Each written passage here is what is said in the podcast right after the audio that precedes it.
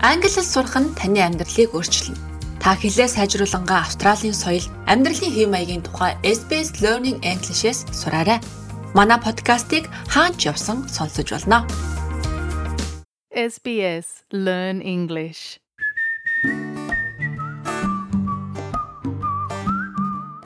Hello.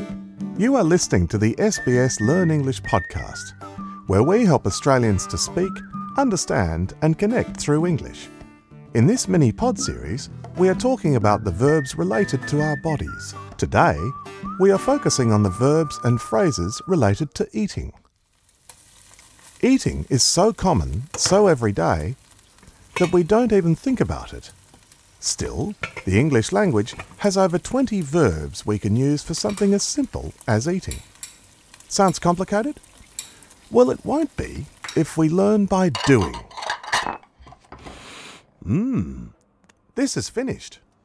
I don't know about you, but there's probably nothing I enjoy more than a home cooked meal. Mmm, my lunch smells so good that I could devour everything. Devour means eating with great hunger very quickly. But if I devour, I wouldn't really enjoy my food. So I will eat slowly, or at least try to.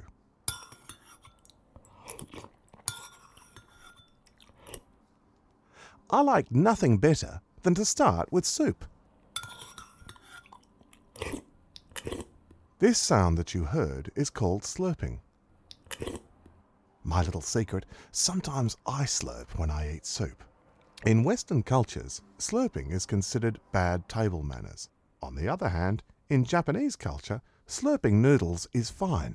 In fact, it is a 400 year old tradition. After slurping, of course, I swallow my spoonful of soup. Ah.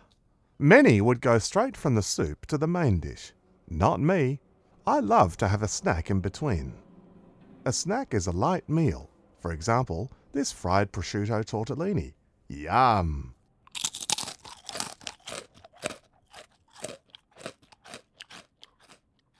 Munching is eating with this loud chewing sound.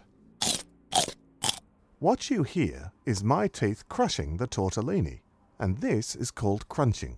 Two very similar rhyming verbs. Munching and crunching often go together. Remember, munching means eating. This way you'll never confuse them.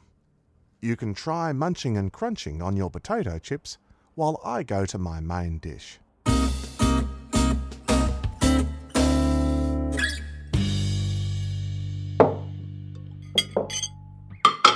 Pan fried trout with garlic, lemon, and a mix of veggies. Mmm, sensational. Take your time and chew your food thoroughly. You get to really taste the full flavour, and your digestive system will be grateful. Doctors will often talk about a digestive system. It can sound very medical and complicated, while in fact it's just the name of all the organs that deal with food after you eat it. Mm. Now, I've done something that I don't recommend talking while there is still food in my mouth. So that made me gulp because I had to swallow my food suddenly all at once. So you gulp when you swallow too fast or too much of anything in a single bite. And immediately after that, I burped. Uh. Oh, sorry. When you do this in Western cultures, it is polite to say sorry. But in other cultures, burping used to be a way of saying that you were really enjoying the food. Mm. Now I'll take a swig of wine. To take a swig means to drink some. Ah, that's better. I can still taste the wine, and my stomach is okay, and now I'm ready for dessert. Yum! Dessert is vanilla ice cream with cocoa sticks. Here's a tip to really enjoy this delicacy. Take one of the cocoa sticks, they are the long, thin biscuits that stand up in the ice cream, put it into the ice cream, and then lick it. So you use the stick like a spoon. Now that was really tasting. Did you hear me smacking my lips? Smacking your lips is something you do if you've really enjoyed eating something, and so it's like sending a kiss to whoever made it, and then nibble on the cocoa stick. To nibble means to take really small bites. For example, a mouse nibbles on cheese. You know what?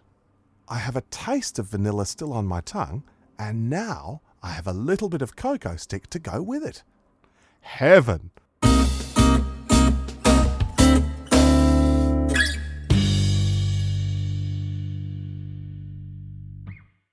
Every great story must have a good ending. I love a cup of hot coffee with just a touch of milk after a good meal so that I can sip it. To sip something is to drink it slowly with small mouthfuls, like nibbling is for food. Fun fact it is believed that the entire island of Manhattan has fewer really good coffee places than Canberra alone. Now that I've finished my lunch, I wish I could devour the last three chapters of a novel that I'm reading. Yes, you can use devour when you want to say that I'm reading a book quickly because, like me, you really want to find out how the story's ending. Seems like the book will have to wait as my partner has just arrived. We'll cook a lovely supper and then we'll get to use all these verbs together eat, drink, slurp, crunch, munch, chew, lick, nibble, smack your lips, swallow, burp, gulp. And you can join us too.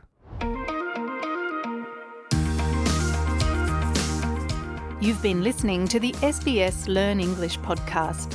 Visit sbs.com.au forward slash learn English for additional learning, transcripts, and quizzes.